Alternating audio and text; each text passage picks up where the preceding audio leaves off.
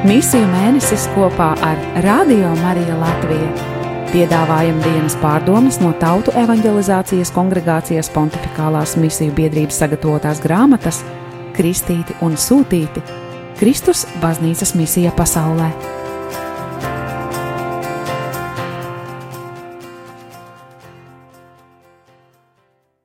2019. gada 2. oktobris. Trešdiena parastā liturģiskā laika 26. nedēļā. Svēto sargeņģeļu piemiņas diena. Divi šodienas liturģiskie lasījumi no Nehemijas grāmatas otrās nodaļas un Mateja evaņģēlija 18. nodaļas var tikt saprasti kā mūsu laika misionārā garīguma pamatizpausmes. Nehemijs, kurš sākumā tiek iepazīstināts kā ķēniņa dzērienu devējs Persijas karaliskajā galmā, savā sirdī nes dzīvu un sāpīgu atmiņu par Jeruzalemes iznīcināšanu. Tas nav nostalģisks patriotisms, bet gan būtisks biblisks lūkšanas aspekts Babilonijas trimdas un pēctrimdas laikā, salīdzinot ar 137. psalmu no 5. līdz 6. pantam. Tas saskan ar vēstījumu par jauno izceļošanu no šīs trimdas, lai atgrieztos tēvu zemē. Skatiet izsaja grāmatas 40. nodaļas 9. līdz 11. pantu. Tā ir daļa no kunga plāna attiecībā uz viņa tautu, pat izmantojot pagāna, Kīra Persijas ķēniņa autoritāti, kas tajā laikā bija viens no zemes varenākajiem.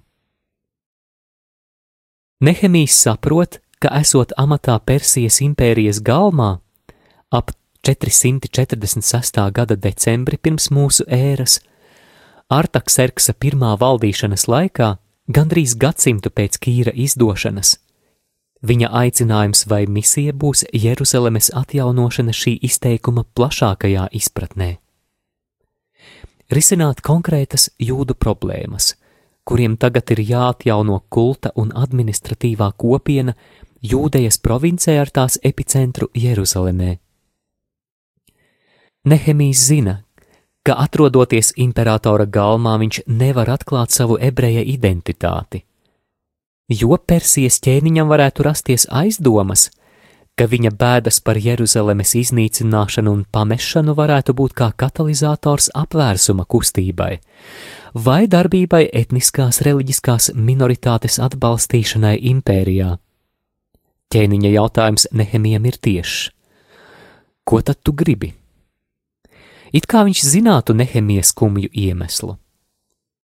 Šis ebrejs Persijas galmā ir nobažījies, ka viņš varētu pateikt pārāk daudz. Tad es pielūdzu debesu dievu. Sakām vārdu grāmata patiesībā mums saka, cilvēks gan gudro savā sirdī, bet kungs tam liek vārdus uz mēles. Sakām vārdu grāmata 16. nodaļa, 1. pants. Un šīs ticības gaismā Nehemijs var lūgt atļauju doties uz Jūdeju, lai strādātu pie Jeruzalemes atjaunošanas. Patiesībā tagad viss virzās ātri, tā kā kungs to ir iecerējis. Ķēniņš tikai jautā Nehemijam, cik daudz laika ir vajadzīgs viņa misijai Jūdejā. Jau tagad viņa piekrišana ir skaidra. Nehemijs turpina savu gudro pieeju, kas nepieciešama iecerētās misijas veikšanai, bet tagad tas ir kungs, kas rīkojas. Šis misionārs rīkojas gudri naidīgajā pasaulē, kurā viņš dzīvoja, bet ar apdomību un gudrību vien būtu par maz bez kunga vadošās rokas. Tagad viņam būs jāsaprot palestīniešu pasaule, kurā viņam tagad būs jādzīvo, lai veiktu misiju, uz kuru kungs viņu aicina. Evanģēlija fragments, kurā Jēzus mūs aicina līdzināties bērniem, izgaismo dziļumu tam pārveidošanas darbam, kas vajadzīgs pašā baznīcā, lai mēs varētu veikt mūsu pašu misiju. Jēzus mācekļu kopienā šī misija var tikt sabojāta ar lepnuma un varas kārdinājumiem, kas ietērpti reliģiskā valodā. Skatiet Mateja evaņģēlija 18. nodaļas pirmo pantu. Tā šī paša evaņģēlija nobeigumā, kur nosaukti grēki, kas neļauj mums sekot Jēzum viņa ceļā uz Jeruzalemi, pēc nesakārtotas seksualitātes izmantošanas un pieķeršanās naudai seko pēdējais kārdinājums, kam visgrūtāk pretoties - vara, kas šķiet pat neizturams pat Jēzus mācekļiem.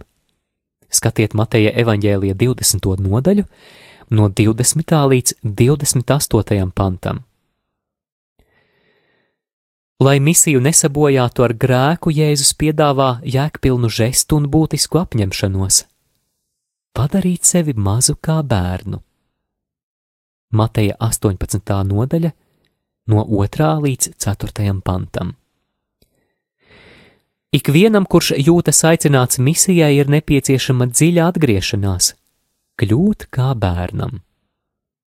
Nevis kā bērniem tīri cilvēciskā nozīmē, Nehemijam jābūt īpašai un precīzai izpratnē par abām pasaulēm, par pasauli, kurā viņš atrodas un no kuras viņš dodas prom, un par pasauli, kurā viņš vēlas ieiet.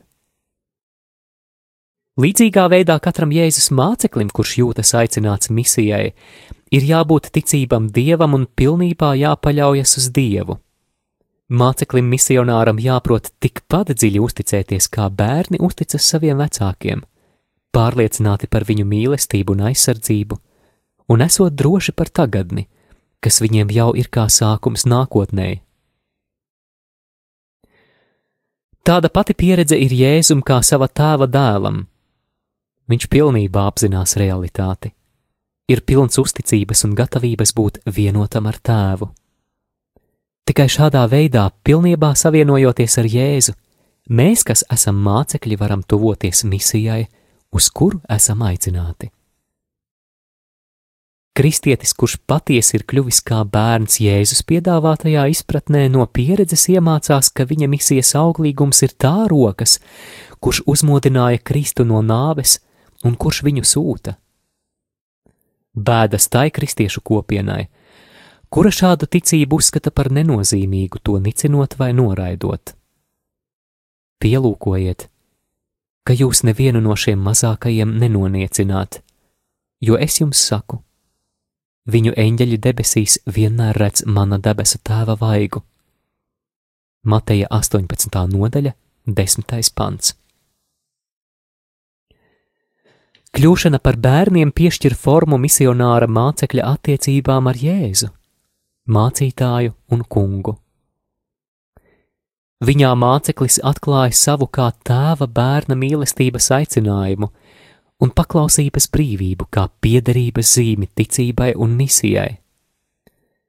Kā dēls vai meita dēlā, katrs māceklis ir misionārs, jo viņš tiek sūtīts sludināt labo vēsti. Eņģeļu un dievišķo vēstnešu atbalstīts un pavadīts, kas viņu atver pārdomām, kas ir misijas pamats un pasaules izaicinājumiem, par kuriem viņš sniedz liecību.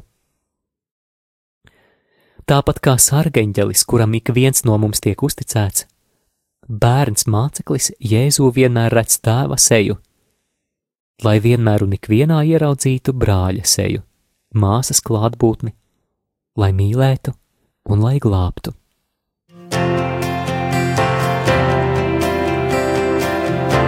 Dzirdējāt dienas pārdomas no Tautu evanģelizācijas kongregācijas pontificālās misiju biedrības sagatavotās grāmatas Kristīti un Sūtīti - Kristus baznīcas misija pasaulē.